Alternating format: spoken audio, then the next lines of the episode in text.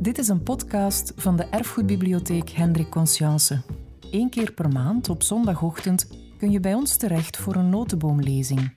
In deze lezingen bekijken we de maatschappij en cultuur van vandaag door een historische bril. Je kan ze hier herbeluisteren.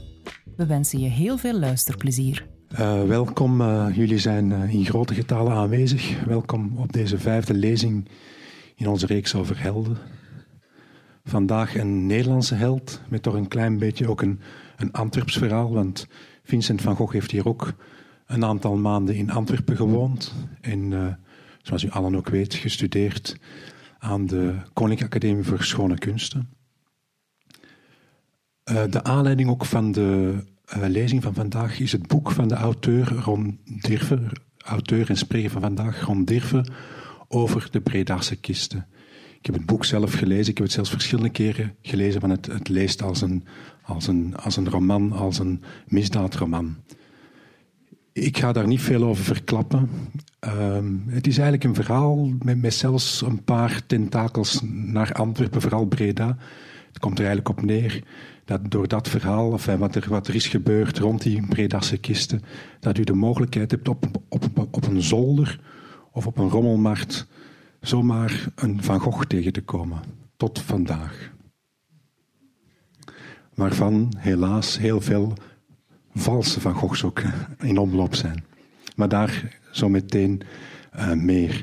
Dan uh, wil ik u ook nog een en ander vertellen over de spreker. Hij, hij is kunsthistoricus, hij heeft gestudeerd aan de Universiteit van Nijmegen.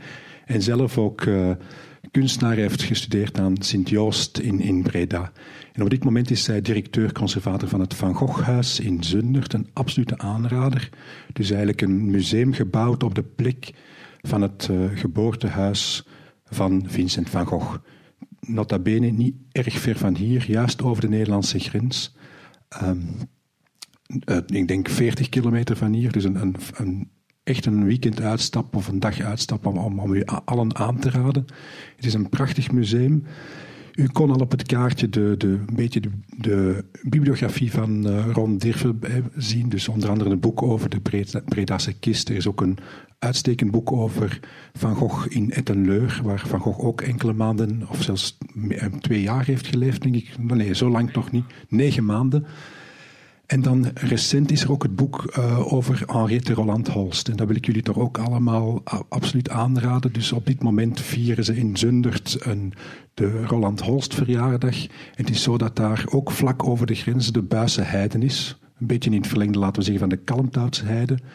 Uh, dat is in Nederland ook een natuurmonument. En er komt dan bij dat op die site, dus van de, de ook het landgoed is van Henriette Roland Holst en het, ook het atelier van Richard Roland Holst.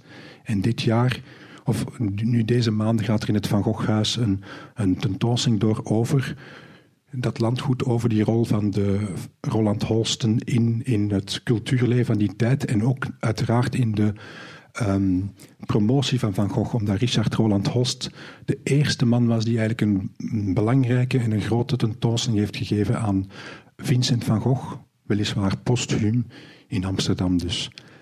En een van de, de topstukken in de tentoonstelling is het gastenboek van, van dus het, het landgoed van op de Buisse Heide. Wat trouwens ook een van de topstukken is van het Letterkundig Museum in Den Haag. Dus als je gaat kijken op die website, dan komt dat vrij snel naar boven.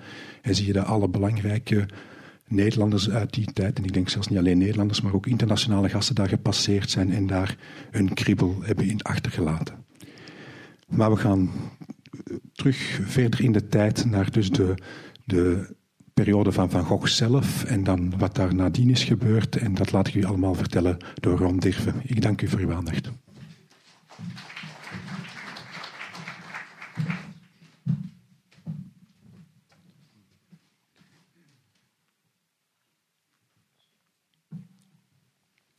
Dankjewel Koen voor de mooie introductie. Ik, ik moet zeggen dat ik het een, een bijzondere eer vind om in zo'n mooie ruimte, zo'n mooie bibliotheek, een, uh, een verhaal te mogen houden voor u. U, u verstaat mij goed? Ik, ja? Okay. Het is ja, een, een, een, ruimte als dit, dat, dat uh, roept bij mij meteen een soort gevoel op dat ik eigenlijk langs die kasten wil lopen en daar zo eens wat wil snuffelen in die boeken. En dan heb je in je achterhoofd of, of, of in je onderbuik misschien toch het gevoel dat je daar iets in kunt ontdekken. Dat is natuurlijk, ja, voor de ware onderzoeker is dat uh, altijd het, het ultieme doel. En stel je eens voor dat je een boek uit die kast neemt en, en je vindt daar ergens tussen de bladzijden een, een oude brief. En je, en je bekijkt die brief en je leest daar dan op dat die is uh, ondertekend door uh, Vincent van Gogh. Nou, dan gaat het hart natuurlijk sneller kloppen. En velen van u zullen misschien denken van ja, dat, dat kan helemaal niet meer, zoiets gebeurt niet. Nou, ik kan u vertellen dat ik deze week nog in uh, bos in het archief geweest ben om te kijken naar een nieuwe brief van Vincent van Gogh die is uh, ontdekt, recent. En uh, nu is het zo dat de nieuwe brieveneditie pas is verschenen. En daar zijn de brieven allemaal weer opnieuw genummerd. En deze brief krijgt een nieuw nummer, een A-nummer. Dat wordt brief 1A. Het is namelijk de tweede brief bekend die Van Gogh heeft geschreven. En in juni dan uh, zal die brief ook op exposities rondreizen en zal die ook in het Van Goghhuis te zien zijn. Ik vertel dat om aan te tonen dat u nooit, nooit moet zeggen. En er valt altijd nog uh, een bijzondere ontdekking te doen. En dat geldt zeker ook naar aanleiding van het verhaal wat ik u vandaag ga vertellen over de Bredaanse kisten. Want dat heeft toch bij heel veel mensen een, een soort van een, een goudkoorts uh, teweeggebracht. En een gevoel van, ja, als ik ergens op een rommelmarkt struin... en als het in de omgeving van uh, Breda is... dan is de kans nog groter om misschien ergens eens iets van uh, Vincent van Gogh tegen te komen. Nu hebben eigenlijk alle plaatsen waar Van Gogh is verbleven hebben wel zo'n soort verhaal van uh, dat Van Gogh daar werken heeft achtergelaten of heeft weggegeven in een café, uh, uh, hoe dan ook. Maar al die verhalen, ja, die komen uit de orale overlevering, mondeling overleverd. En daar zit geen echte betrouwbaarheid in. Eigenlijk de minst onbetrouwbare bron is wel de mondelinge overlevering, want daarin gaat de fantasie al heel snel een, een rol spelen. Nu heeft uh, dat, Breda, dat Bredaanse verhaal, uh, heeft natuurlijk, kent natuurlijk ook die verhalen, maar het grote verschil is dat de kern van dat verhaal echt waar gebeurd is. En dat dat ook een hele grote invloed heeft uitgeoefend op uh, de, ja, het authenticiteitsprobleem rondom Van Gogh. En dat authenticiteitsprobleem, dus de vraag van is het van Van Gogh of is het niet dat is uh, alsmaar groter geworden naarmate ook de waarde van zijn, zijn werk is gestegen. En die, ja, er is nog steeds geen, geen grens aan, aan, aan de waardestijging van Van Gogh. Hij behoort tot de top 10 van uh, de meest duurste kunstenaars ter wereld. En uh, bijvoorbeeld die, die brief die ik vorige week zag, dan, dat is helemaal geen bijzondere brief. Er zit niet eens een briefschets bij. Maar voor de verzekering moet die al verzekerd worden voor 50.000 euro. Dus kunt u nagaan dat eigenlijk alles wat uit de handen van Van Gogh is gekomen, is echt uh, ja, onbetaalbaar geworden inmiddels. Ter vergelijking met schilders uit, uit, ja, uit zijnzelfde tijd. Schildersvrienden, zelfs als uh, Anton van Rappard of, of Theophile de Bok. Die, uh, daar gaan schilderijen van, kunt u nog voor rond de 1000 euro kopen. En bij Van Gogh uh, moet u het eigenlijk gemakshalve zo altijd met een factor 1000 weer vermenigvuldigen. Dus waar een tijdgenoot 1000 gulden, of euro, sorry, euro opbrengt, uh, doet een Van Gogh al snel uh, eh, 1 miljoen euro. Dus vandaar dat het ook een heel problematische kwestie is geworden, waar de vakwereld ook vaak wel wat problemen mee heeft. Ook met dit verhaal zit de vakwereld ook wel een beetje, een beetje in, uh, in de maag. Van uh, ja, wat doen we daar nou precies mee met uh, al, die, al die onzekerheid over die werken van Vincent van Gogh? Vooral als er nog steeds weer nieuwe, twijfelachtige werken opduiken.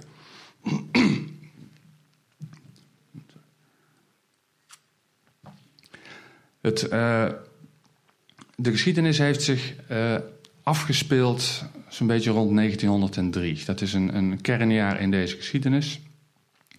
En het is eigenlijk nooit echt nader onderzocht tot 2003, dus 100 jaar na dato. Toen was het een, uh, een jubileumjaar uh, rondom Van Gogh zijn 150ste geboortedag. En toen hebben wij in Breda's Museum hebben met een team van onderzoekers, twee historici, twee kunsthistorici, hebben we twee jaar lang hebben we, uh, historisch onderzoek verricht naar die geschiedenis van Breda. Heeft geleid tot een tentoonstelling en een boek. En ja, Koen noemde het al, dit is het boek. En ja, het probleem daarbij was natuurlijk dat het, het gat van 100 jaar nogal groot was en er geen levende getuigen meer waren. Dus we waren heel sterk aangewezen op schriftelijke bronnen, op archieven, op allerlei materiaal en, uh, om eigenlijk te reconstrueren, bijna als een soort detectives van wat er zich nou precies allemaal heeft afgespeeld in Breda. Maar voordat ik echt in Breda terechtkom, wil ik toch wat een om het eigenlijk goed te kunnen plaatsen in dat, in dat hele verhaal. En hier ziet u een foto, toevallig ook uit 1903, met uh, drie generaties uit de familie van Gogh. En dit zijn de drie mensen die eigenlijk de, de belangrijkste rol hebben gespeeld in uh, het beheer van de nalatenschap van Vincent van Gogh. Alle drie op hun, uh, hun eigen manier. Rechts ziet u de zoon van Vincents broer Theo. En hij is, ja, zijn grootste verdienste is eigenlijk geweest dat hij het Van Gogh Museum heeft mogelijk gemaakt in Amsterdam. Dus hij heeft de collectie uiteindelijk een veilige thuishaven bezorgd. In het midden zien we moeder van Gogh, die we ook al op, het eerste, op de eerste afbeelding zagen. Zij speelt eigenlijk de hoofdrol, maar niet op een actieve manier, eigenlijk meer op een passieve manier. Haar hoofdrol is eigenlijk dankzij het feit dat ze heel veel niet heeft gedaan, in plaats van uh, wel rondom die nalatenschap. En links naast haar is uh, de weduwe van Vincents broer Theo, Jo van Gogh-Bonger. En uh, ja, haar rol is echt van groot belang geweest bij de erkenning van het werk van Van Gogh en ja, het verdere succes van zijn, zijn, ja, het, het, vestigen van zijn reputatie. Zij heeft ontzettend veel gedaan. En eigenlijk is haar rol nog wat onderbelicht. En er, zal ook, er is nu onlangs een, een onderzoek gestart vanuit de mensen van het Van Gogh Museum om echt een uitvoerigere studie te doen naar haar biografie. Want zij, zij heeft echt een, een, een cruciale rol gespeeld. En dat, dat begon eigenlijk al uh, vrij kort na het uh, overlijden van Vincent. En dan ga ik alvast naar het volgende plaatje. Ik weet niet of u het herkent, maar achter is het de begraafplaats in Auvers-sur-Oise... waar Vincent en Theo's graven liggen. Vincent overleed in 1890 en ja, direct na zijn overlijden was zijn broer Theo, die, die in de kunsthandel werkte in Parijs. Maar nooit echt met, met succes het werk van Vincent had kunnen promoten. Die, ja, die, die voelde toch een hele urgente drang om dat wel te gaan doen. En hij probeerde in Parijs een grote tentoonstelling eh, te organiseren van het werk van Van Gogh. Maar geen enkele galerie, ook de galeries die moderne kunstenaars presenteerden, wilde dat aan. En hij besloot toen om in zijn eigen appartement in Parijs een tentoonstelling te organiseren. Maar ook dat werd een, een fiasco. Er kwam nauwelijks bezoek. En al binnen enkele maanden na de dood van Vincent uh, werd Theo overspannen en uiteindelijk krankzinnig. En hij werd, uh, binnen drie maanden werd hij opgenomen in een uh, kliniek in Utrecht, waar hij in januari 1891 overleed. En waar hij ook aanvankelijk begraven werd. En ja, wat hij achterliet was zijn weduwe Theo met het kleine kind, dus pasgeboren neefje van Vincent, naar hem genoemd, Vincent Willem. En een enorme verzameling van uh, werk wat in de collectie van Theo was. Want omdat Theo ook financieel, als een soort mecenas voor Vincent had gezorgd, was de afspraak onderling dat hij ook de collectie zou krijgen. En, en de, de zussen van Vincent en Theo, die hebben ook schriftelijk hebben ze afstand gedaan van de collectie. Dus Theo was de enige erfgenaam en daarna uh, Jo voor haar kleine zoontje Vincent Willem. Maar uh, ja, zij was heel erg onervaren en zij had ook uh, weinig kennis van het werk. Ze, ze kende Vincent nauwelijks. Ze heeft hem één keer kort ontmoet, een paar dagen in Parijs. En ja, al die kennis die dan Theo misschien ook nog wel had, die had zij absoluut niet. Dus met de dood van Vincent en Theo verdween ook de kennis van het oeuvre. En, uh, er was ook geen, geen catalogus van het werk. En uh, ja, ook tijdens het leven van Vincent had hij maar een enkele keer een paar schilderijen geëxposeerd. Dus er, er, was geen documentatie buiten de brieven, die, maar die werden pas later eigenlijk bestudeerd. Waarin beschreven stond wat hij uh, allemaal had gemaakt. Dus dat maakte het erg moeilijk ook voor, uh, voor Jo om ja, met dat werk eigenlijk aan de slag te gaan. En, uh, maar goed, uiteindelijk met behulp van een aantal bevriende kunstenaars in Nederland, waaronder de kunstenaar Jan Vet, besloot ze om al het werk wat nog in Parijs was en in, in het appartement van Theo en ook bij een galerie, om dat over te brengen naar Nederland en om daar ja, bekendheid aan te geven. Te beginnen met het organiseren van tentoonstellingen. En ik heb hier linksonder, uh, niet voor niks, dat als voorbeeld. Het is de eerste echt grote tentoonstelling van Van Gogh, al in 1892. Dus uh, heel kort na, na het, het, overlijden van Vincent en Theo. Die is georganiseerd door Richard Roland Holst. Die Koen net al noemde. En op dit moment in onze expositie wordt ook het verhaal van die tentoonstelling wordt, uh, uit de doeken gedaan. En wat we ook hebben geprobeerd is een reconstructie te geven van wat er allemaal op die tentoonstelling te zien was. Wat nog niet makkelijk was, want Roland Holst had besloten om uh, niet de titels van de werken te noemen. Hij noemde in de catalogus alleen de periodes en hij gaf ze een nummertje en hij rangschikte ze op thematiek en op kleur. Dus dat is heel lastig om nog te achterhalen welke werken daar uh, precies allemaal gehangen hebben. En dit was eigenlijk wat we hier zien, is uh, een, een, klein schriftje uit de collectie van het Van Gogh Museum, wat je eigenlijk de eerste oeuvre-catalogus zou kunnen noemen, maar ja, dat is, dat is een veel te groot woord ervoor. En die is samengesteld door uh, de man links, Andries Bonger. En dat was de broer van uh, Jo Bonger. Hij was een vriend van Theo en via hem waren ze ook met elkaar in contact gekomen. En uh, kort voordat al die werken naar Nederland gingen, heeft hij een soort inventarislijstje gemaakt. Waarin hij ja, uh, de werken een nummertje gaf en een heel summiere titel. U ziet hier de eerste bladzijde waarop een aantal werken uit de Nederlandse periode van Van Gogh. Het begint met uh, Mangeur de Pomme de Terre, de, de aardappeleters en gaat zo verder.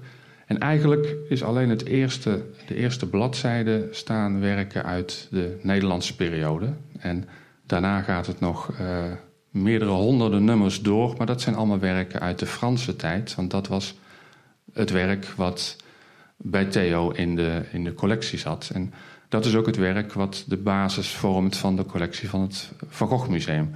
Als u het Van Gogh Museum bezoekt en u, ziet de, vaste collectie, dan heeft u één kleine zaal met werk uit de Nederlandse tijd. En daarna uh, zijn het allemaal werken uit de Franse tijd. Dat is niet omdat het Van Gogh Museum die niet waardeert, maar simpelweg hebben ze die niet, omdat die werken een andere uh, route gegaan zijn. En ja, die route die, uh, is via Breda gekomen. En dan maak ik nu meteen al de sprong naar 1903. Dus zoals ik net al vertelde, uh, Jo uh, ja, zette zich in voor de, ja, de bekendheid van Vincent. Dus ze organiseerde vanaf de jaren negentig al diverse tentoonstellingen, was daar heel actief mee. Ze bereidde ook de uitgaven voor van de brieven van Van Gogh, die in 1914 zijn verschenen. Die ook heel sterk hebben bijgedragen aan, aan zijn bekendheid. Want dankzij die brieven, die allemaal heel zorgvuldig door Theo waren bewaard, ja, kunnen we als mens heel dicht komen bij de mens van Gogh ook. En in die zin ook bij zijn kunst. En uh, daarnaast was hij ook nog een, een zeer begenadigd uh, schrijver. Dus het is ook nog, ze hebben eigenlijk ook een heel sterke literaire waarde zelf. Dus een van de grote verdiensten van Jo is dat zij die brieven heeft uitgegeven. Met een inleiding daarbij die ze eindigde met dat Vincent en Theo, want het was natuurlijk niet alleen voor Vincent dat ze deed, maar ook voor haar uh, overleden echtgenoot Theo, dat die gebroederlijk naast elkaar lagen op de begraafplaats in Auvers-sur-Oise, waarvan u de foto eerder zag. Dat was niet zo, want, Theo lag in Utrecht, maar zij heeft kort voor de uitgave heeft ze Theo laten uh, herbegraven en is die in Auvers naast uh, Vincent gelegd verbonden, de twee graven, heel simpele graven met een klimop die de twee kunstenaars verbindt. Als u er nu gaat kijken, dan ziet u daar tegenover een heel opzichtig graf. Die is van de kunstenaar Corneille, die recent is overleden en die heeft zichzelf daar weer tegenover laten begraven. Maar Jo was dus uh, heel actief met, met het organiseren van die tentoonstelling, van de werken uit de Franse tijd. En Daardoor raak, was, raakte Vincent toch al snel eh, bekend, vooral in kunstkringen en in de, in de steden. Nog minder in Breda. Breda was toch echt nog een provinciestad in die tijd. En dan in 1903 dan, komt er een hele grote verrassing. Ik weet niet of u het, het mee kunt lezen.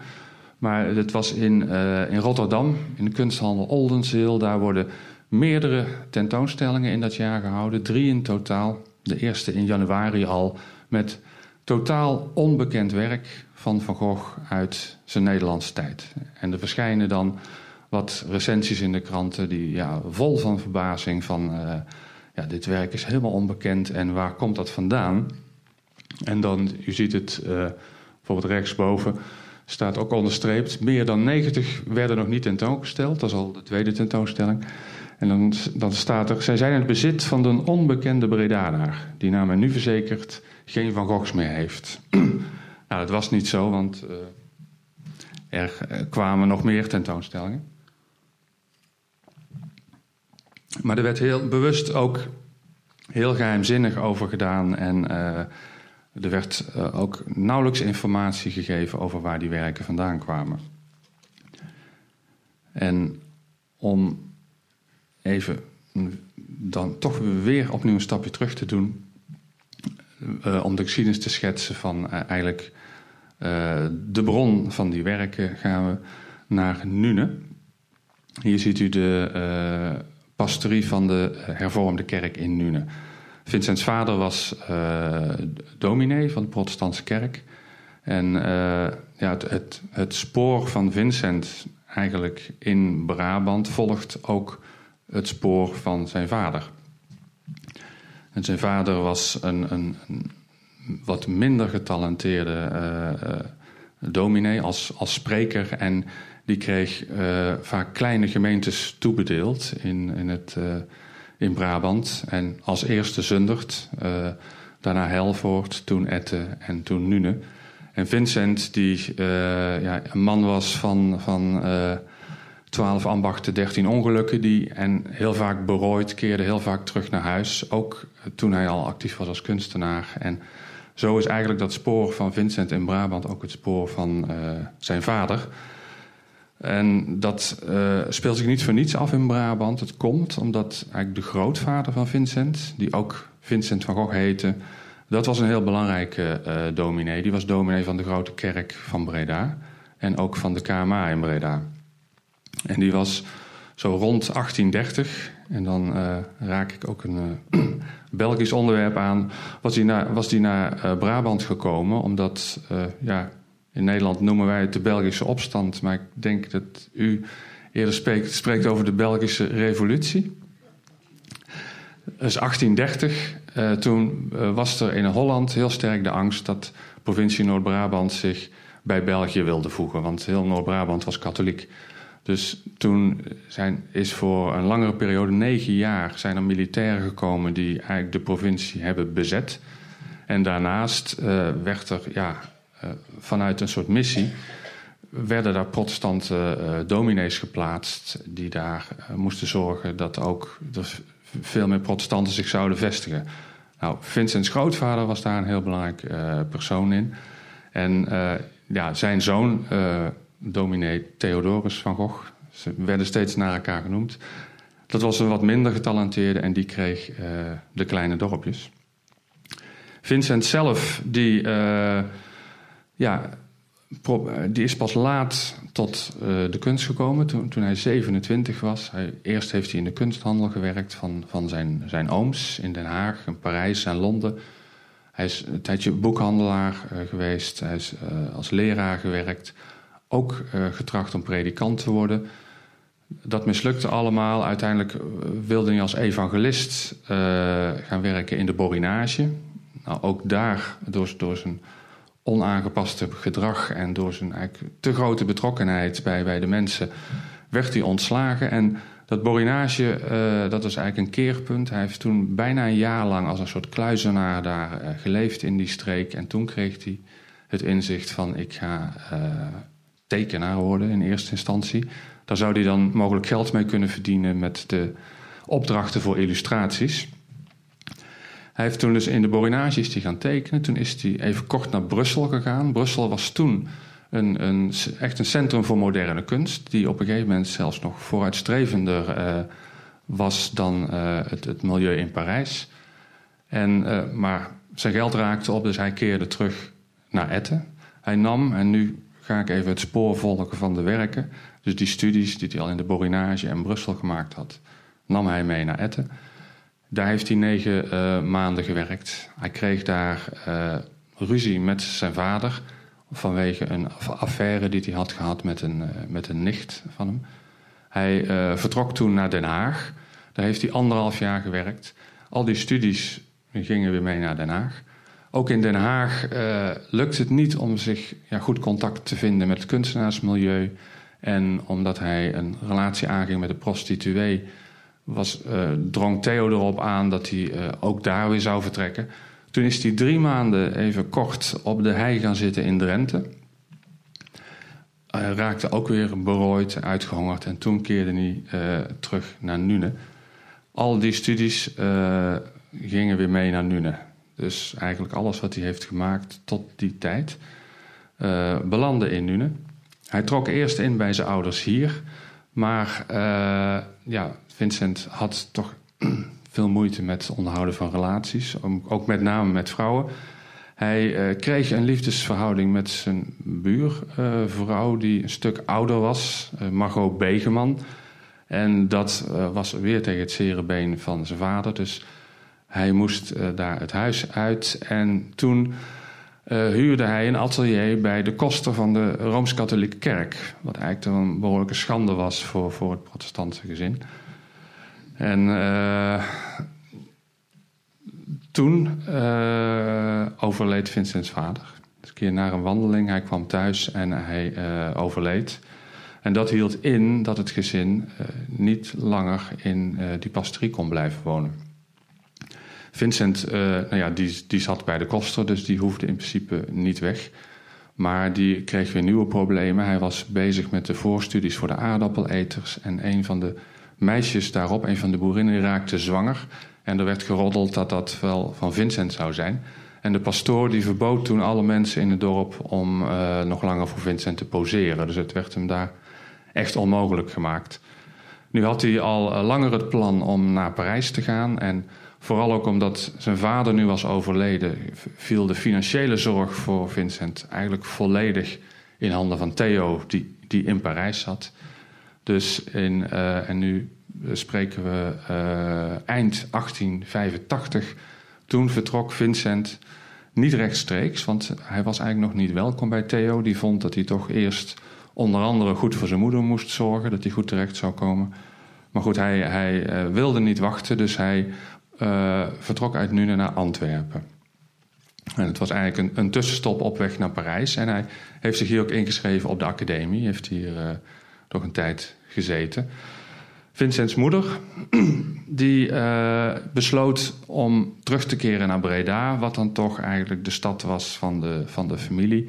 En vooral haar zus, die was getrouwd met de kunsthandelaar, dus een oom van Vincent, die ook Vincent heette. Als bijnaam had hij oom Cent, omdat hij enorm rijk was. Hij was eigenlijk medevernoot van de, van de Goupil in Parijs. En zij besloot om een, een, woning te zoeken in Breda, om daar in de buurt van haar familie te zijn. Nou, Theo die schreef regelmatig naar Vincent dat hij toch vooral terug moest gaan naar Nune om bij die verhuizing te helpen, want dat kon hij toch niet aan, aan hun oude moeder alleen overlaten. Maar Vincent had er helemaal geen trek in.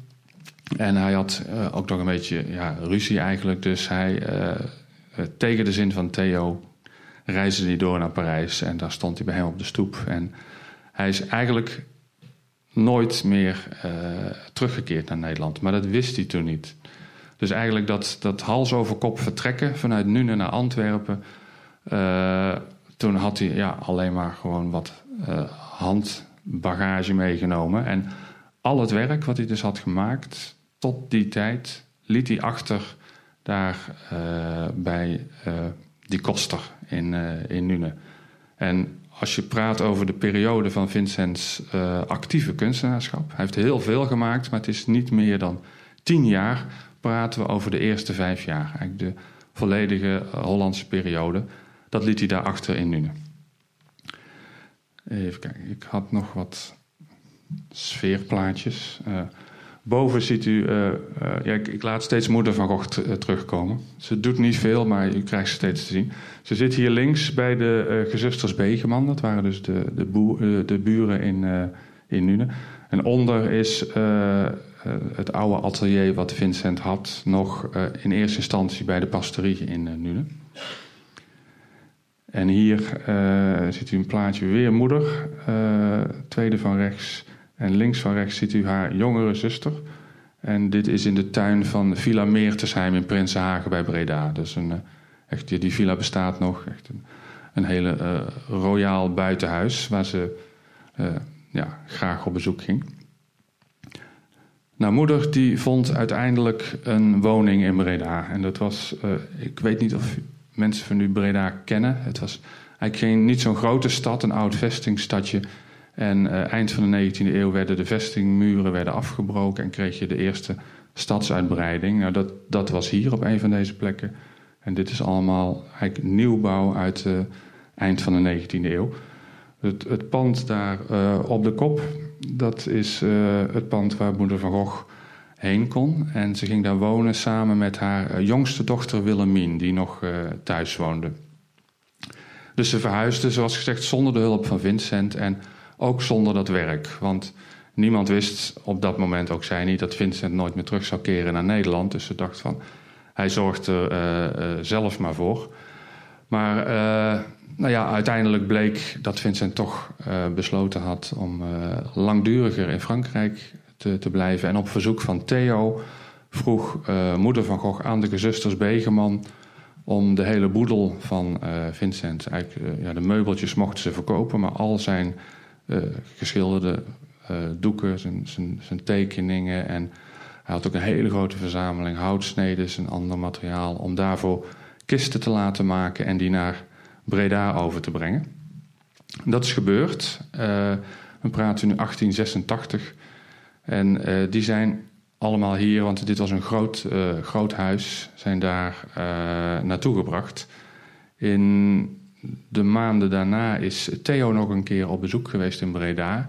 Heeft daar toen uit die collectie, ook op verzoek van Vincent, nog een aantal illustraties gehaald. Dus geen, geen studies van Vincent zelf, maar hij gebruikte veel illustraties als voorbeeld voor zijn werk. Heeft daar toen nog wat uitgehaald en meegenomen naar, naar Parijs. En onder ziet u, want ja, dat is. Uh, um, een verhuizer, dat is een soort advertentie van een uh, verhuizer. Er, is, er was altijd gedacht dat dit de verhuizer was die de boedel van Nune naar Breda had verhuisd, maar dat is niet zo. En mensen wisten niet dat moeder van Gogh binnen Breda ook nog eens een keer is verhuisd. Omdat uh, dit pand door de eigenaar werd verkocht, moest ze op zoek naar een andere ruimte en die vond ze hier. Dit is een foto van nu, dat is de tattoo shop nu Maar het pand, eigenlijk het achterhuis daarvan, een klein achterhuis, daar kon moeder van Gogh met, met Willemien ja, een, een nieuwe, ruimte, nieuwe woonruimte huren. Maar die ruimte was veel te klein om alle spullen op te slaan.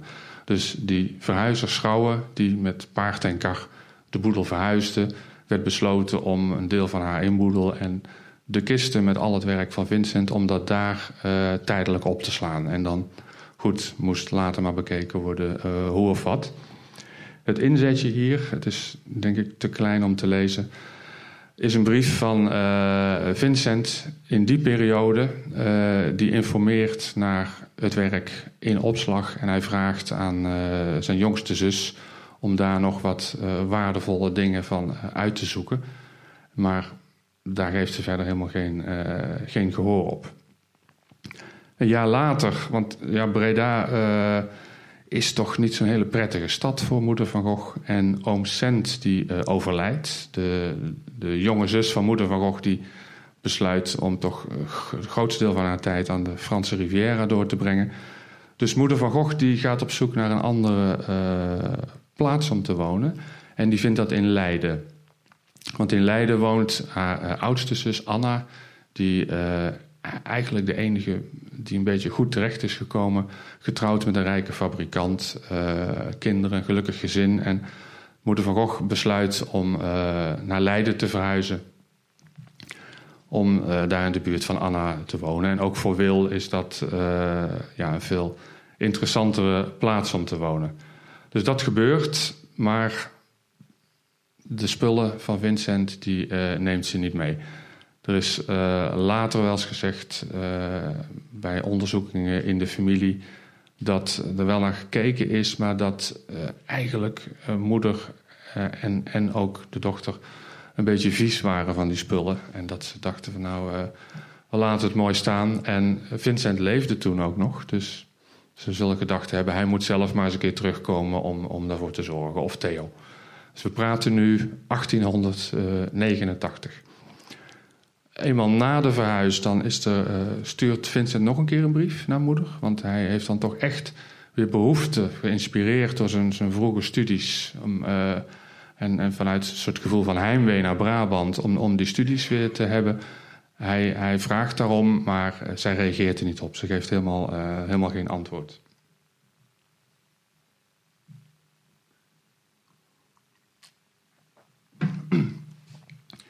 Dit is een, uh, een, een, oude foto van de uh, Ginnekenstraat. En als u helemaal ziet rechts, dat poortje waar dat uh, jongetje staat, daar doorheen. Daarachter was de opslagplaats van die schouwen. En daar blijven die werken dus uh, ja, meer dan tien jaar lang eigenlijk staan. Want uh, ja, 1890 dan uh, sterft Vincent, een jaar later Theo. Jo weet helemaal niet van het bestaan van deze, deze opslag af. En moeder, ja, die heeft het er gewoon helemaal niet over. Dus het blijft daar staan. En het enige wat Schrouwen uh, wel doet, want hij is naast verhuizer is hij ook timmerman, is dat hij de kisten sloopt, want dat hout dat kan hij goed uh, hergebruiken. En hij gooit het, alle, de inhoud gooit hij zo los, uh, los op, op de zolder van zijn, van zijn opslagloods. Tot 1902. En toen had hij inmiddels de, de, de pensioenleeftijd bereikt. Dus hij deed zijn zaak over aan zijn zoon, die op een andere plek verder ging. En hij ging ja, zijn boedel verkopen. en toen kreeg hij een, uh, een opkoper op bezoek die schuin aan de, aan de overkant uh, woonde. En, het, en, die man heette Jan Couvreur. En die kwam daar eigenlijk voor het uh, kopen van wat oud ijzerwerk en koper. Dat, daar kocht hij een partij van. Maar Schouwer wist hem van te overtuigen om ook ja, al de rotzooi van, uh, van Vincent mee te nemen. En dan start ik nu eventjes een uh, klein programmaatje. Ik vertel ondertussen verder door. Het zijn, het zijn kleine afbeeldingjes, maar dit zijn werken. U krijgt nu 150 werken van Van te zien. Schilderijen en tekeningen door elkaar heen. Dit zijn werken waarvan we nu met zekerheid weten dat die daar op die zolder gelegen hebben. Maar dit is nog maar een fractie ervan. In ieder geval vanuit onderzoek, herkomstonderzoek, hebben we kunnen vaststellen dat deze er allemaal zeker uh, hebben gelegen. Maar uit verklaringen van uh, zowel Schouwen als Couvreur weten we dat, dat het veel meer geweest moet zijn. Het is eigenlijk, ja, die Couvreur kocht voor één gulden kocht hij die partij ijzer en hij heeft zijn register zegt dat hij ook één gulden heeft betaald voor al die werken van Van Gogh. En Schouwen die gooide het uh, door het zolderluik naar beneden en hij had zo'n grote houten uh, kar. En hij heeft drie keer moeten rijden, dus drie karrenvrachten vol van de ene kant van de straat naar de andere om het allemaal uh, afgevoerd te krijgen. En nou ja, Couvreur die heeft verschillende interviews gegeven en ze zijn niet allemaal even betrouwbaar. Maar ze, uiteindelijk valt het toch wel te destilleren om hoeveel het ongeveer gegaan moet zijn. En hij heeft verklaard 60 schilderijen op ramen gespannen. Zo'n 150 uh, losse doeken, die vaak ook een beetje tegen elkaar geplakt zaten, omdat ze ja, vanuit dat de verf nog niet goed gedroogd was. En echt ja, honderden en honderden tekeningen. Hij maakt ook beschrijvingen van de werken. Hij beschrijft de aardappeleters, hij beschrijft de wevers. Hij, beschrijft ook heel uitgebreid een schilderij in de trant van de aardappeleters, maar dat noemt hij de kaartspelers. Nou, dat schilderij is nog steeds uh, totaal onbekend. Nou ja, u ziet hier, ongetwijfeld zult u een aantal van die werken herkennen als werk van Van. Dit zijn allemaal werken die uh, erkend zijn ook op dit moment, maar die allemaal uiteindelijk uh, bij Couvreur terecht zijn gekomen. Hij heeft ze naar de overkant van de straat gebracht en heeft ze daar uh, in eerste instantie allemaal uh, in zijn kelder opgeborgen. In afwachting wat hij er mee kon doen. Hij heeft toen wat, wat bevriende ja, kunsthandelaars gevraagd van... God, is dit wat? En die zeiden, nou, het is gewoon rommel. Dus je kunt daar, kunt daar helemaal niks mee. En ja, probeer het maar gewoon weer uh, te verpatsen. Overigens was nog voordat Couvreur uh, die partij ophaalde, had Schouwen ook al wel wat verschillende werken weggegeven. Eén verhaal wat, uh, wat zeker waar is, is dat hij aan een, aan een, een mevrouw die een, een prieeltje had getimmerd in de tuin, heeft hij acht grote schilderijen gegeven om daar dat prieeltje mee te versieren. En die heeft hij uiteindelijk later, toen het allemaal bekend werd, heeft dit allemaal weer, uh, weer teruggehaald. Nou, het gaat zo'n tijdje door. Dus het, inmiddels ook, want het, ons onderzoek was natuurlijk 2003, toen hebben we dit vast kunnen stellen. Inmiddels is dat aantal al wel weer uh, gegroeid, waarvan we gewoon weten, zeker weten dat die uit die, uh, uit die partij komen. Couvreur die had dus ja, geen idee wat hij met die werk uh, eigenlijk moest doen. En uh, daarnaast, goed, ik, ik schakel alvast even door, anders wordt het te lang. Naar Couvreur zelf. Links zien we hem uh, en rechts zijn, zijn echtgenoten. Couvreur was ja, een goedgelovig katholiek. Ook veel kinderen. Er zijn nog steeds veel couvreurs die kleine antiekwinkeltjes hebben in Breda. Want hij behoort echt wel tot zo'n zo'n groep van, ja, wij noemen het in, Nederland vaak malle pietjes. Die zo handelen in van alles en nog wat. Maar het allereerste wat hij moest doen van zijn vrouw was uh, alle naaktstudies die erbij zaten. En die moeten er behoorlijk geweest zijn. Daar, uh, ja, dat vond zij uh, niet kunnen. Dus die moest hij opruimen. En uh, hij heeft die allemaal uh, heeft die levendig beschreven in een hele grote zak gestopt. En uh, ja, dat moet echt om, om, om, tientallen zeker, misschien nog wel meer gegaan zijn. En die heeft hij allemaal naar de, naar de papierhandelaar gebracht. Voor een, voor een dubbeltje kreeg hij daar nog voor. En die zijn uiteindelijk naar de fabriek in, in Tilburg gegaan om vermalen te worden. Dat verklaart uh, in ieder geval al waarom er zo weinig naaktstudies van Van Gogh bekend zijn. Terwijl hij die zeker gemaakt heeft. Als u de nieuwe biografie van Van Gogh van de uh, twee Amerikaanse schrijvers leest, dan ziet u dat hij ja, heel vaak dat deed. Ook heel vaak zijn modellen, zijn vrouwelijke modellen ertoe wilde aanzetten om naakt voor hem te poseren. En dit tekeningetje hier tussen hun in, dat is uit een andere bron later opgedoken. En ja, dat bewijst wel dat hij ook dus heel andere onderwerpen had. En dit is dus heel atypisch voor Van Gogh. Dit kennen we helemaal niet uh, van hem. Dit is echt ja, een licht pornografische afbeelding. Dus die tekeningen die gingen allemaal weg en die zullen waarschijnlijk ook nooit meer teruggevonden worden. Wat hij verder deed was ja, hij ging met zijn kar en de werken zo langs de deuren, maar hij vermeed de betere wijken, want uh, dat uh, ja, toch een beetje de, in de achterbuurten, daar verkocht hij de werken voor echt een paar centen, een dubbeltje per stuk of zo. Hij kwam ook vaak in een kroeg, we zien hier onder het plaatje, bij hem om de hoek vlakbij de chassé-kazerne. Het was een kroeg waar veel militairen kwamen. En ja, daar hing hij ze ook achter de bar om ze daar te verkopen. En hij ging ermee naar de, uh, ja, wat we nu een rommelmarkt noemen. Dat was in Breda de botermarkt, waar heel veel boeren uit de omgeving kwamen om hun, hun eieren en voor alles te verkopen. En daar, ja, daar ging hij ook uh, alles verkopen echt voor ja, een paar centen. Dus hij, hij vroeg, laten we zeggen, 10 cent voor een, voor een tekening, misschien een kwartje voor een, voor een mooie schilderij.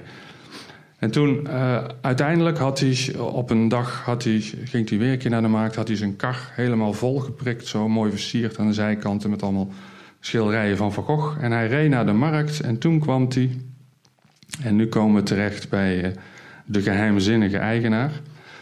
Toen kwam hij de linkse meneer tegen, dat was Kees Mouwen. En Kees Mouwen was een, uh, een, een, hele rijke zakenman. Hij was een meesterkleermaker, had een zaak in Breda gespecialiseerd in uniformen voor uh, militairen, vooral de luxe gala-uniformen.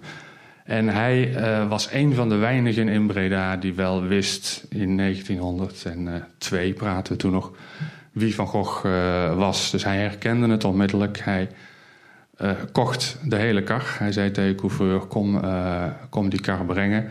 Hij stuurde zijn huishoudster nog naar Couvreur om het restant van de partij helemaal op te kopen.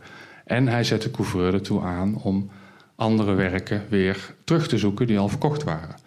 Zo heeft hij onder andere die werken van het prieeltje van die mevrouw weer teruggekocht. En, goed, en dat heeft een behoorlijke tijd geduurd.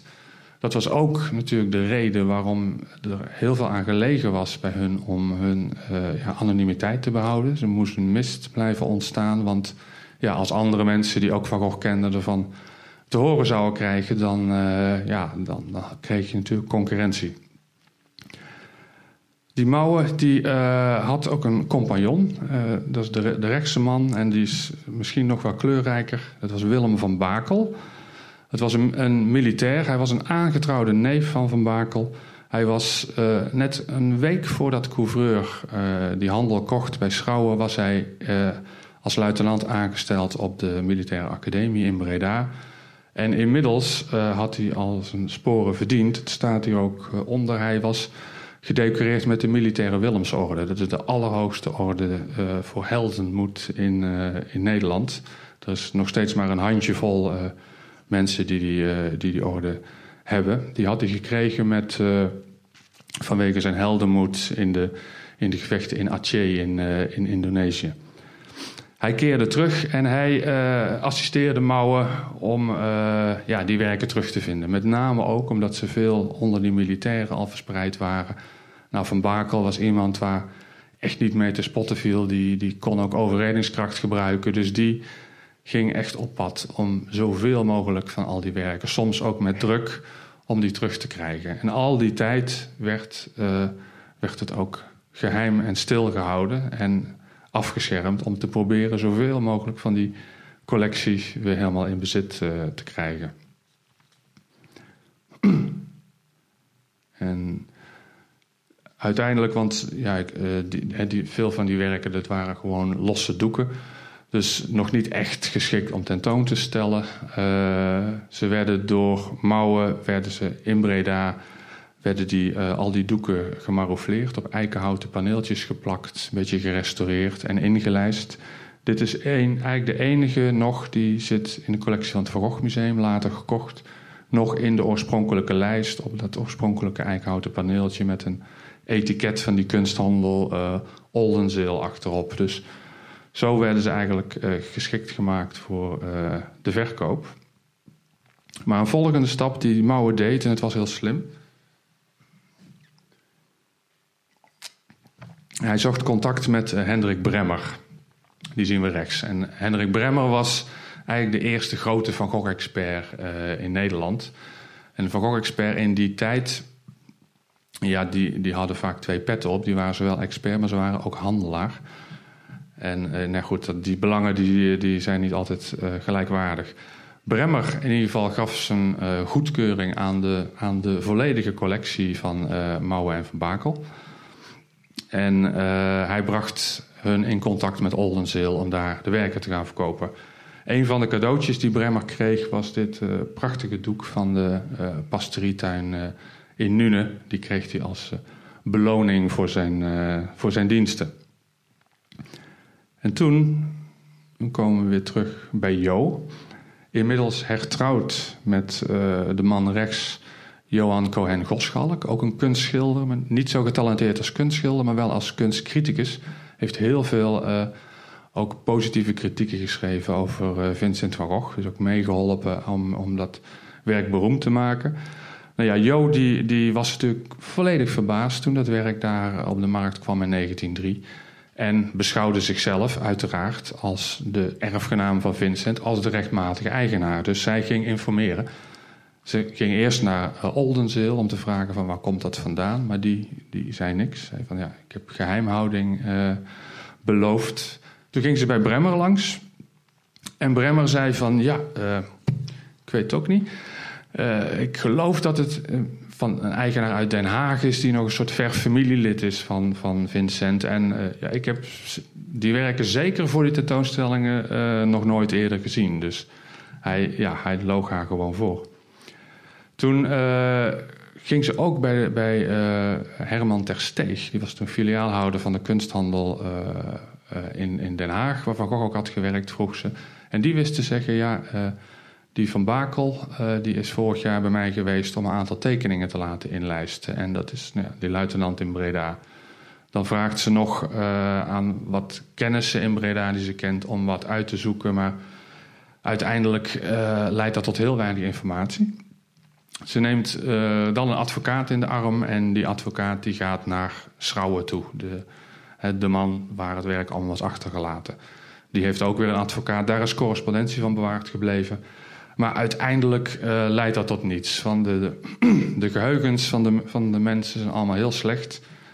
Uh, en Schrouwer zegt ook nog van ja, wat die couvreur allemaal heeft gedaan. Die kreeg natuurlijk steeds beter betaald voor die werken door Mouwen. Dus die is op een gegeven moment allemaal werk van andere schilders uit Breda. De, is die Vincent op gaan zetten en die heeft hij ook gekocht, verkocht. Dus dat is allemaal weer in die collectie terechtgekomen. Allemaal netjes door Bremmer uh, echt verklaard. En ja, er, viel eigenlijk uh, niets meer te halen. Het werk was het niet meer, het was allemaal weg. En uh, geld viel ook niet te halen. Uiteindelijk was er, is er als vergoeding afgesproken één gulden... wat uiteindelijk Couvreur had gegeven voor die hele partij plus 128 gulden die voor die acht doekjes van dat prieeltje van die mevrouw. En dat had couvreur uiteindelijk weer uh, daarvoor, of schouwen weer daarvoor gekregen van couvreur. Dus dat werd afgesproken om dat uh, terug te betalen. Ondertussen gingen ook gewoon de tentoonstellingen door. Links van, uh, ja, Oldenzeel was toch een beetje de vaste handel geworden. Ze eigenlijk nog jarenlang uh, zijn daar die werken uh, in de collectie gebleven en aangeboden. Zeker tot, tot zo'n rond, rond 1910 zijn daar werken verkocht. Maar ook, en dat is toch omdat Mouwen en Van Bakel het, ja, die begonnen een beetje de hete adem, met name ook van de advocaat van Jo in hun nek te voelen die organiseerde ook een uh, verkoopveiling in uh, Amsterdam in uh, mei 1904, waar heel veel van die werken verkocht zijn. En uiteindelijk, en dat is nog een beetje een open spoor in ons onderzoek, wordt het Van Bakel wiens rol natuurlijk heel belangrijk is in dit verhaal, die heel actief is geweest. Die vertrekt, die neemt plotseling ontslag bij de KMA en hij vertrekt in 1904 met de Noorderzon. hij geeft op dat hij naar Indonesië gaat. Inmiddels hebben we ontdekt dat dat niet het geval is. Ik heb hem nog niet zo lang geleden kunnen traceren in, in 1915. Dan zit hij in Manhattan in New York. Maar hij is, ja, hij is met de Noorderzon vertrokken en er wordt nog heel veel geïnformeerd naar hem. Maar uh, ja, het is gewoon één groot open vraagstuk. Het bijzondere is wel, als uh, op de KMA, als kasteel van Breda, hangt zo'n heel groot bord met alle mensen die zijn gedecoreerd met die militaire Willemsorde. Allemaal geboortedatum, sterfdatum. En bij Van Bakel is de sterfdatum nog open. Dus gewoon, uh, ja, gewoon een open eind. Dus niemand weet wat er van hem geworden is verder. Met Mouwen ging het al niet zo heel veel beter. Uh, kort daarna stierf zijn vrouw. Hij kreeg toch een zenuwinzinking. Hij werd opgenomen in een inrichting. En in 1913 dan gooit hij zichzelf in de Maas. Hij verdrinkt zichzelf. En ja, daarmee sterven eigenlijk ook weer twee mensen in dit verhaal waar uh, de meeste informatie te halen valt. Nog één ander iets wat ze gedaan hebben, ook in 1904. Dan is er een tentoonstelling die, die uh, ja, tot aan ons onderzoek eigenlijk totaal onbekend was. In Breda, georganiseerd door de Breda's Kunstkring... van een grote map met tekeningen uit de Nederlandse periode. Dus we weten het niet 100% zeker, maar het kan eigenlijk niet anders zijn dan dat dit ook uit die collectie is. Wordt gehouden in die, in die prachtige zaalhof van Holland. En uh, vermoedelijk uh, is een van de kopers, de man rechts, Hidden Nijland, een, uh, een, kunstverzamelaar uit Dordrecht, scheeps, scheepsbouwer, die uiteindelijk renteniert en kunst verzamelt. Er zijn verschillende versies van, van het tot stand komen van zijn verzameling. Eind 1904 exposeert hij al meer dan 100 tekeningen van Van Gogh uit de Nederlandse tijd, waarvan er minstens 40 uh, eh, nog niet eerder bekend waren. Dus, dus het zou, maar kunnen zijn dat hij ongeveer 40 tekeningen hier gekocht heeft. Hij heeft in ieder geval ook daarvoor al verzameld. Binnen de, binnen de familie Nijland gaat ook het verhaal dat hij rechtstreeks van de Car van Couvreur zaken heeft gekocht. Maar hij had al een aantal van deze tekeningen. En dit zijn echt de vroegste tekeningen, de periode uh, rechtsboven Borinage en verder vooral uh, Etten. Er waren er al een aantal die hij al in 1892 heeft gekocht. En ook op een kleine tentoonstelling bij Oldenzeel Waar toen ook Jo van Gogh al is gaan informeren van... hé, hey, waar komen die tekeningen vandaan? En die kwamen van een, uh, een, een, kunstenaar, annex kunsthandelaar... Uh, die Terhel heette. En Oldenzeel heeft toen die hele collectie te koop aangeboden aan, aan Jo. Van, maar zij, ja, zij had toen toch nog heel veel moeite om de eindjes aan elkaar te knopen... en heeft dat niet gedaan. ik denk, ja jammer achteraf. Maar uh, ja, waar die collectie dan vandaan kwam, uh, is, is, is heel erg uh, onduidelijk. En er is geval één, één aanwijzing en die komt van notaris Meis. Dat is de, de, de zoon van de dominee die Vincents vader opvolgde in Etten. En die herkende dat onderste model. En, en die zei toen van ja, ik heb destijds gehoord dat er zo in de jaren tachtig in Breda op de Haagdijk uh, portefeuilles met tekeningen van Vincent hebben rondgezworven. Nou is de Haagdijk precies de plek waar Vincents moeder aan het eind van haar periode uh, woonde. Dus, dus ook uh, een hele grote kans dat het toch uiteindelijk ja, al eerder uit die boedel van Schouwenweg is gegaan. Of, of zelfs uit het laatste, de laatste woning van moeder van Gogh. En op die manier weer verspreid.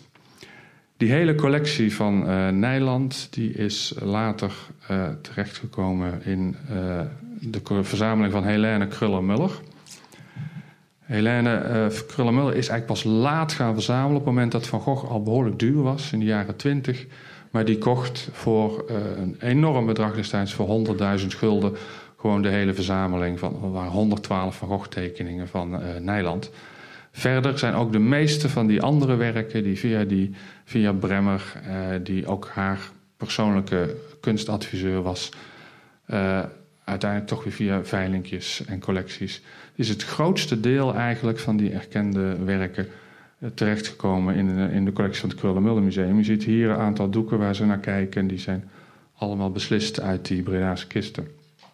Daarom is ook de verzameling nu van uh, Museum eigenlijk de grootste verzameling van Nederlands werk van, uh, van Gogh. Dus tot zover die verspreidingsgeschiedenis van het vroege werk. En zoals ik al zei, het werd, in het begin werd daar een grote mist omheen uh, gedaan door de belanghebbenden. Dus het werd eigenlijk pas later bekend dat het was gebeurd. En de, de aanleiding eigenlijk dat het bekend werd was... En, en we zien rechts weer Jo, die is al wat ouder... maar links zien we Lies van Gogh, de middelste zus van uh, Vincent... die ook literaire aspiraties had... En zij publiceerde in 1911 haar persoonlijke herinneringen aan Van Gogh. Maar het was een heel verromantiseerd beeld. En uh, Jo Bonger, die op dat moment bezig is met de publicatie van de brieven, drie jaar later, die irriteerde zich daar zo aan. En die, en die reageerde heel heftig in de kranten van, uh, waarin, ja, op van dat die familie gewoon heel nalatig is geweest, nooit enige bewondering heeft gehad voor het werk van Vincent. En dat ze dus alles gewoon hebben weggegooid. En zij vertelt dan voor het eerst eigenlijk dat hele verhaal van die Bredaanse rommelmarkt en die Bredaanse kisten heel uitgebreid. Lies reageert er dan nog op zo uh, met van ja, maar het waren volgens mij alleen maar waardeloze illustraties. Maar zij gaat er weer heftig tegen in en dat is, ja, dat is absoluut niet zo is. Dan wordt het al een beetje bekend, maar gebeurt er nog niet zo heel erg veel. En ik denk de publicatie die we links zien van Benno Stokvis 1926. Dat zijn nasporingen omtrent Van Gogh in, in Brabant. Hij bezoekt daar al die dorpjes waar hij gewerkt heeft. Maar het eerste hoofdstuk, kijk, het grootste deel van het boek, gaat helemaal over die Bredaanse kisten. En hij verricht daar een heel groot onderzoek naar. En als dat er komt, dan wordt dat verhaal van Breda eigenlijk heel breed bekend. En dat zorgt ook meteen voor een ik noem het al eerder, een soort van goudkoorts van mensen die echt op zoek gaan. Bijvoorbeeld bij uh, de familie Couvreur. Couvreur uh, nou ja, had heel, een hele grote familie, ik geloof tien kinderen, die allemaal ook weer in antiek zijn. Die allemaal, als u ze vandaag nog bezoekt, kunnen ze allemaal uit de kast nog een tekeningetje trekken waar Vincent op staat, die dan daar is, is achtergebleven. Dus er verschenen steeds om de zoveel tijd weer nieuwe werken van Van Gogh uh, werden ontdekt op zolders. En daarachter de Telegraaf twee schilderijen die uiteindelijk door uh, Hendrik Wiegersma, een, uh, een, arts en schilder uit de Deurne, goede vriend van Zatkin, zijn gekocht. En met de hoop van toch echte Van Goghs uit de Bredaanse kisten te vinden, maar ja, tevergeefs. Ze zijn ook nooit erkend. En dan in 1939 dan komt er ineens, een, ja, wij noemen het de vierde kist. Dan komt er een kist met 250 uh, eh, tekeningen, schilderijen van alles en nog wat. Die, uh, die wordt ontdekt in, in de boedel van een heel oud mannetje, die heet Barend den Houter. Een, een oude beurtschipper en echt een, een allesverzamelaar. Dat, dat huis staat helemaal vol met van alles. En die collectie die komt via de, de bovenste personen, het zijn wat tussenhandelaren, uiteindelijk bij de man rechtsboven, Adrianus Marijnissen, terecht. En die, die, die, die komt gedurende de oorlog, want de, de oorlog houdt het een beetje op, in bezit van die hele collectie. En na de oorlog gaat hij daarmee naar uh, Sandberg, die directeur is van het Stedelijk Museum. Op dat moment is de collectie van de Van Gogh-familie, van ingenieur Van Gogh, is als langdurig bruiklijn ondergebracht bij het uh, Stedelijk Museum Amsterdam. Het Van Gogh Museum is pas in de jaren 70 opgericht. En ze zijn bijzonder geïnteresseerd. Dus, uh, de, de Van Gogh-expert Jaffe die reist naar Breda. Onder is een fotootje dan genomen. En ja, ze huren een, externe expert in, Mau van Danzig, om die collectie helemaal te onderzoeken. Hij gaat helemaal naar het, uh, naar het Stedelijk Museum, wordt daar uitgebreid gefotografeerd. Ik geloof dat er 24 van dit soort contactvellen zijn met al die werkjes erop. En de eerste signalen zijn heel, heel, heel positief. Ze denken echt van, nou, dat er, dat ja, dat wel een gevarieerde collectie is, maar dat er zeker werk van Van tussen kan zitten. En dan opeens verschijnt er een stuk, helemaal onverwacht, in de krant van uh, Sandberg die een klacht indient over vier valse Van Goghs.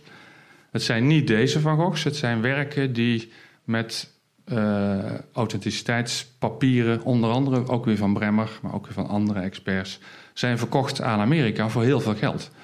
En uiteindelijk niet geaccepteerd worden door andere experts. Op dat moment speelt ook ingenieur Van Gogh een heel belangrijke rol nog bij de vaststelling van de echtheid van de werken.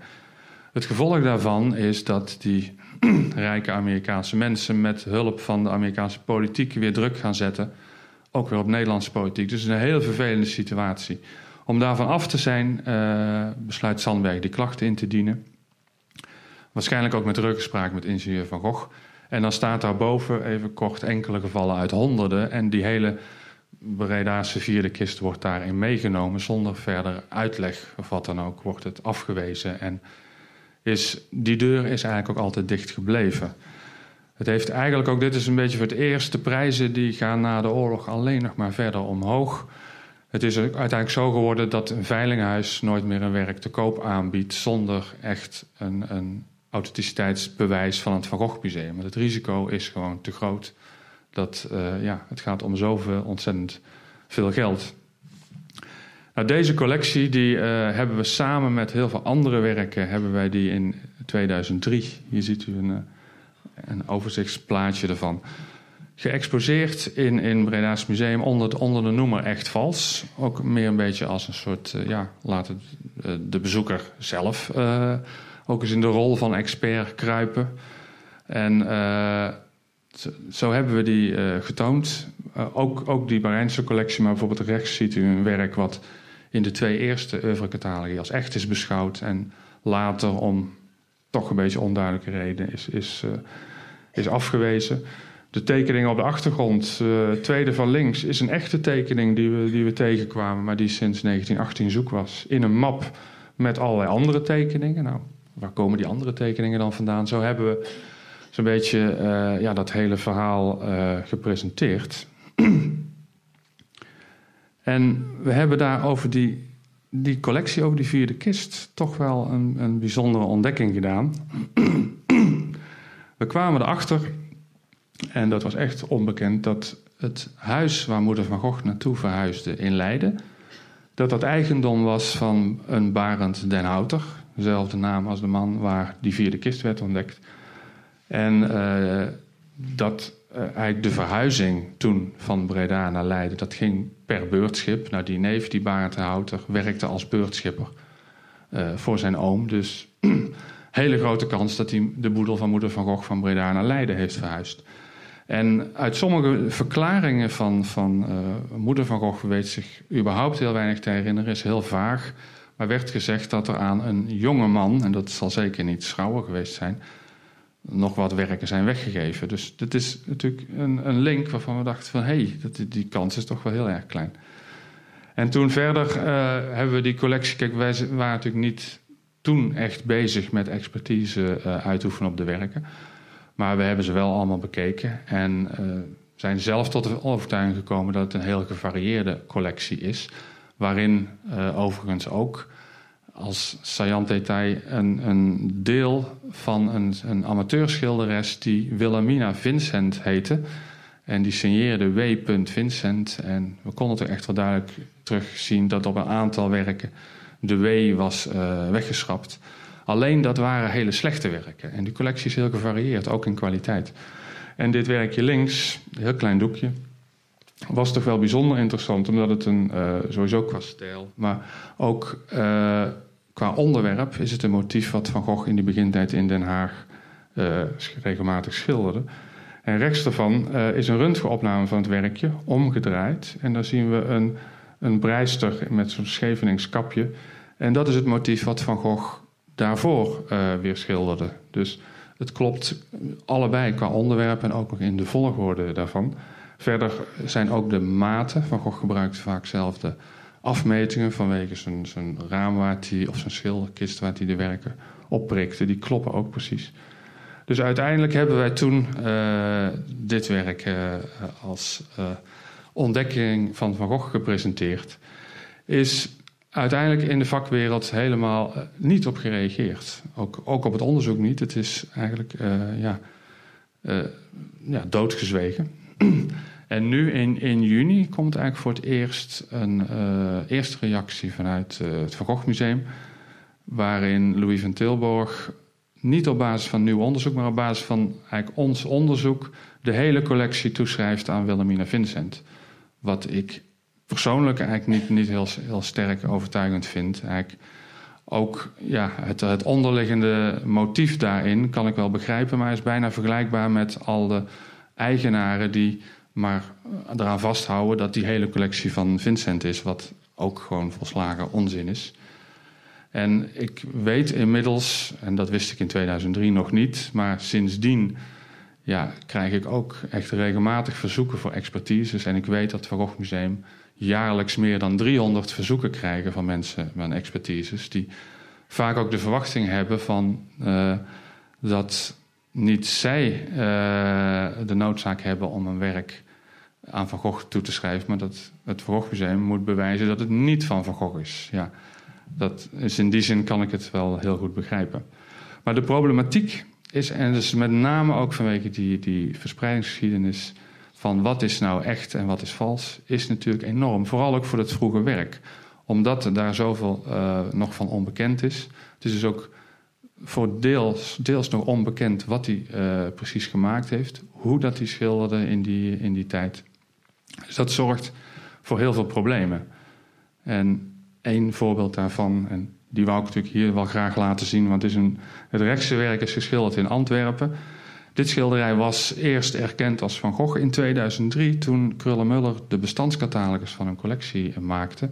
Toen hebben ze het afgewezen, want het, uh, het bovenwerk is het, uh, het, het uh, bloemstilleven uit de Parijse tijd.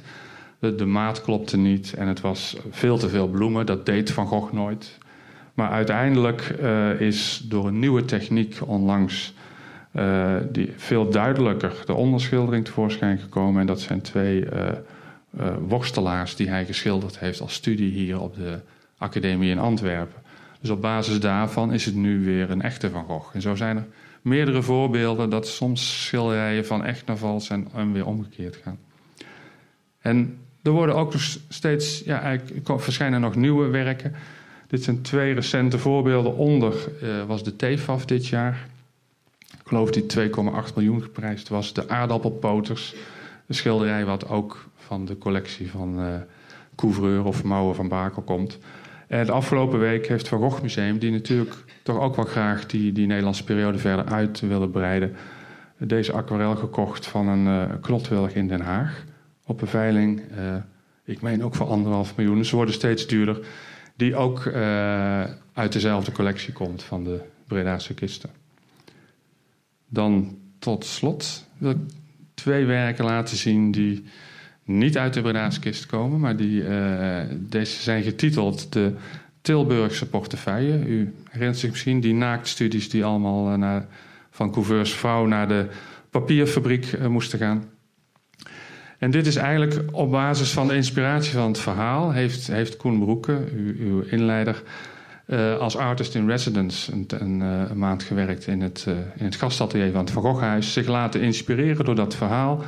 En heeft eigenlijk uit de verbeelding weer een aantal schetsen gemaakt. Zoals die mogelijk in die Tilburgse portefeuille hadden kunnen zitten. Met uiteraard veel van die naaktmodellen erin. Ze hangen nu in het, uh, in het Van Goghhuis. Maar ja, wat gebeurt er met deze werken weer over 100 jaar, als we 100 jaar uh, verder zijn? Hè? Als Koen Broeke dan net zo beroemd is als Van Gogh, zijn het nog steeds Koen Broekers. Maar wat als een snowdaard er op een gegeven moment eens een keer wat anders uh, mee doet? Maar in ieder geval, op dit moment hangen ze in onze vaste presentatie hier in het, in het Van Goghhuis. Waarvan dat is gebouwd op de plek waar Van Gogh is geboren. Het linkse pand is de pastorie. Niet meer het oorspronkelijke gebouw. En dat is in ook 1903, hetzelfde jaar, is dat helemaal afgebroken. En met financiële steun van moeder van Gogh is toen een nieuwe, veel grotere en mooiere gebouwd. Dat was mijn verhaal tot nu toe.